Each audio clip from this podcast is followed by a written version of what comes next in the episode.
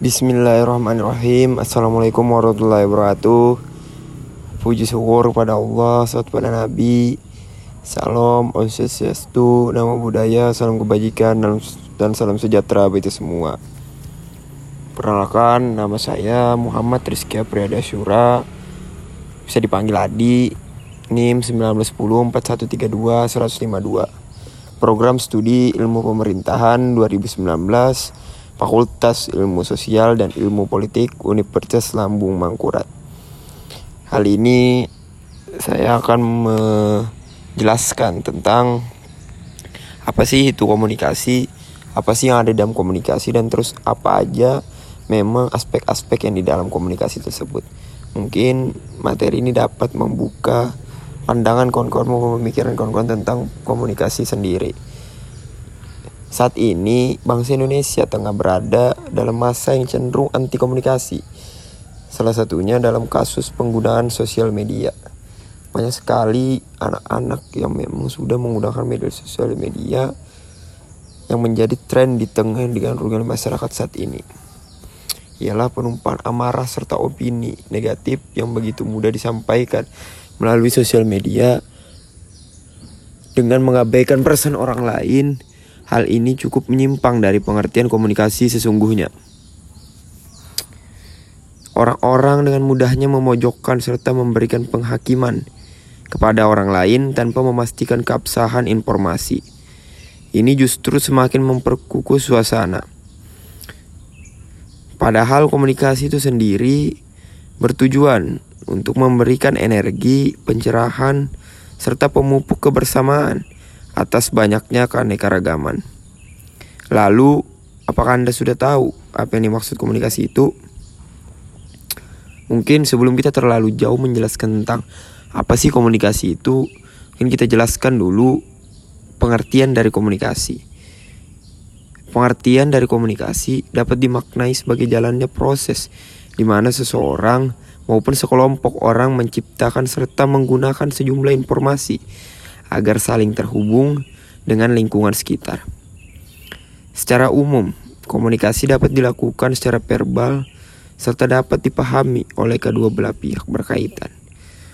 Komunikasi menurut para ahli di antaranya seperti yang disebutkan oleh Anwar Arifin. Menurutnya, arti komunikasi adalah jenis proses sosial yang erat kaitannya dengan aktivitas manusia serta syarat akan pesan maupun perilaku.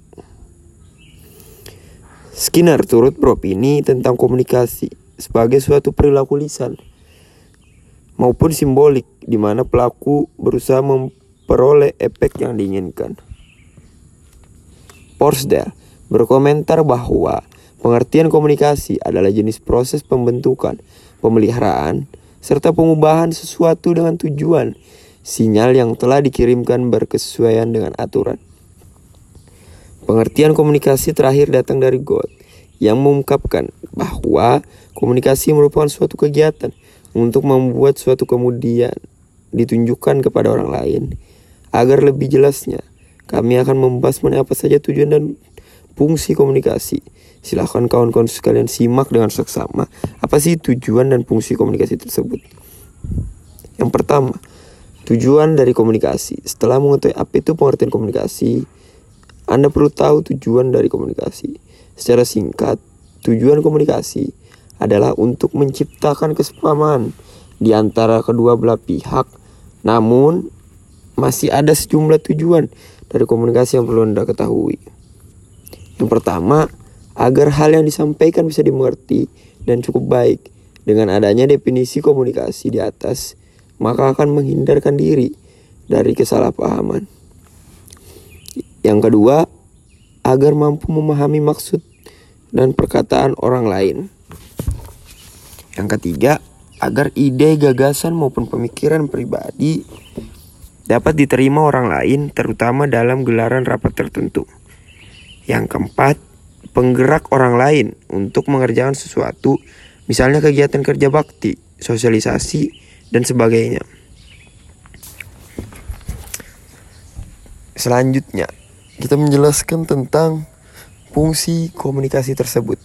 Selain tujuan, fungsi komunikasi juga dapat memberikan manfaat baik bagi Anda. Adapun fungsi komunikasi di antara lain sebagai berikut. Yang pertama, menyampaikan informasi. Yang kedua, sebagai penyampai pendapat agar dapat diterima oleh masyarakat luas atau yang berkaitan. Sebagai bentuk interaksi dengan orang lain. Yang keempat, untuk menambah wawasan dan ilmu pengetahuan akan sesuatu hal jadi melalui komunikasi nantinya akan terjadi transfer ilmu antara pihak satu dengan pihak lainnya. Yang kelima, pengisi waktu luang, misalnya dengan berbicara via telepon, chatting, sosial media, video call, dan sebagainya. Yang keenam, sebagai cara untuk membujuk dan mempengaruhi orang lain, biasanya komunikasi semacam ini banyak mengandung unsur-unsur persuasif. Yang ketujuh, untuk dapat mengenal diri sendiri. 8. Guna mengurangi ketegangan atau mencairkan suasana. Misalnya ketika ada pertikaian atau perselisihan pendapat dalam rapat tertentu. Yang sembilan, sebagai hiburan. Misalnya ketika Anda sedang jenuh, kemudian menghubungi teman jauh untuk sekedar mengobrol santai. Yang 10 untuk selalu menjalin hubungan yang baik dengan orang lain. 11 sebagai benteng diri agar tidak terisolasi dalam lingkungan masyarakat.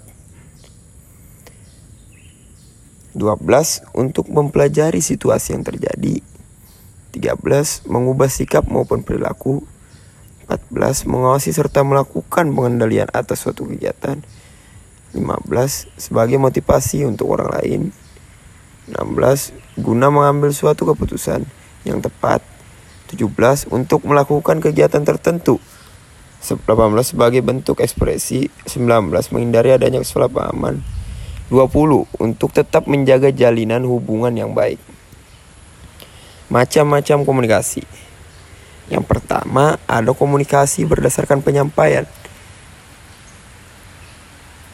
komunikasi lisan, komunikasi lisan dimaksud sebagai ini komunikasi yang terjadi secara langsung tanpa adanya batasan jarak, misalnya dalam suatu rapat, wawancara maupun percakapan biasa. Kedua, komunikasi tulisan. Komunikasi secara tertulis merupakan jenis media komunikasi yang penyampaiannya dilakukan dalam bentuk tulisan, misalnya naskah, spanduk, undangan dan sebagainya. Yang kedua, komunikasi berdasarkan tujuan. Jika ditinjau berdasarkan tujuan, komunikasi dapat dikategorikan menjadi beberapa macam. Misalnya pemberian saran, pidato, perintah, ceramah, maupun wawancara. Konsep komunikasi semacam ini menekankan bahwa komunikator menjadi faktor penting dalam jalinan interaksi tersebut. Yang ketiga, komunikasi berdasarkan ruang lingkup. Yang pertama internal, Komunikasi internal merupakan jenis komunikasi yang terjadi dalam ruang lingkup organisasi maupun perusahaan. Contohnya, interaksi antar individu yang ada dalam ruang lingkup tersebut. Komunikasi internal bisa berupa komunikasi vertikal, horizontal maupun diagonal. Eksternal, komunikasi eksternal berarti komunikasi yang terjalin antar organisasi maupun masyarakat dalam berbagai macam dalam berbagai macam bentuk, misalnya konversi pers, pameran publikasi, siaran televisi, maupun bakti sosial. Yang keempat, komunikasi berdasarkan aliran. Komunikasi satu arah, yakni komunikasi yang berasal dari salah satu pihak saja. Komunikasi dua arah yaitu komunikasi yang mempunyai sifat saling memberikan timbal balik.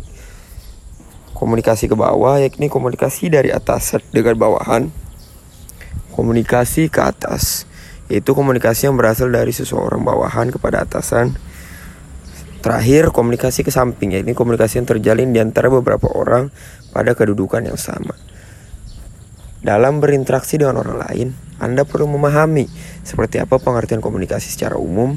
Ini penting demi senantiasa menjaga hubungan yang cukup baik. Selain itu, komunikasi penting guna menghindarkan diri dari kesalahpahaman. Salah satu yang media yang bisa digunakan yaitu komunikasi adalah blog, dan masih banyak lagi sarana-sarana yang lain untuk berkomunikasi. Mungkin cukup itu yang bisa ulun sampaikan semoga materi yang ulun sampaikan materi yang saya sampaikan bisa memberikan pandangan-pandangan yang baik untuk kawan-kawan sekalian silahkan diambil yang baiknya silahkan ditinggal yang buruknya. Cukup dari saya. Muhammad Rizky Apriadi Asyura undur diri. Assalamualaikum warahmatullahi wabarakatuh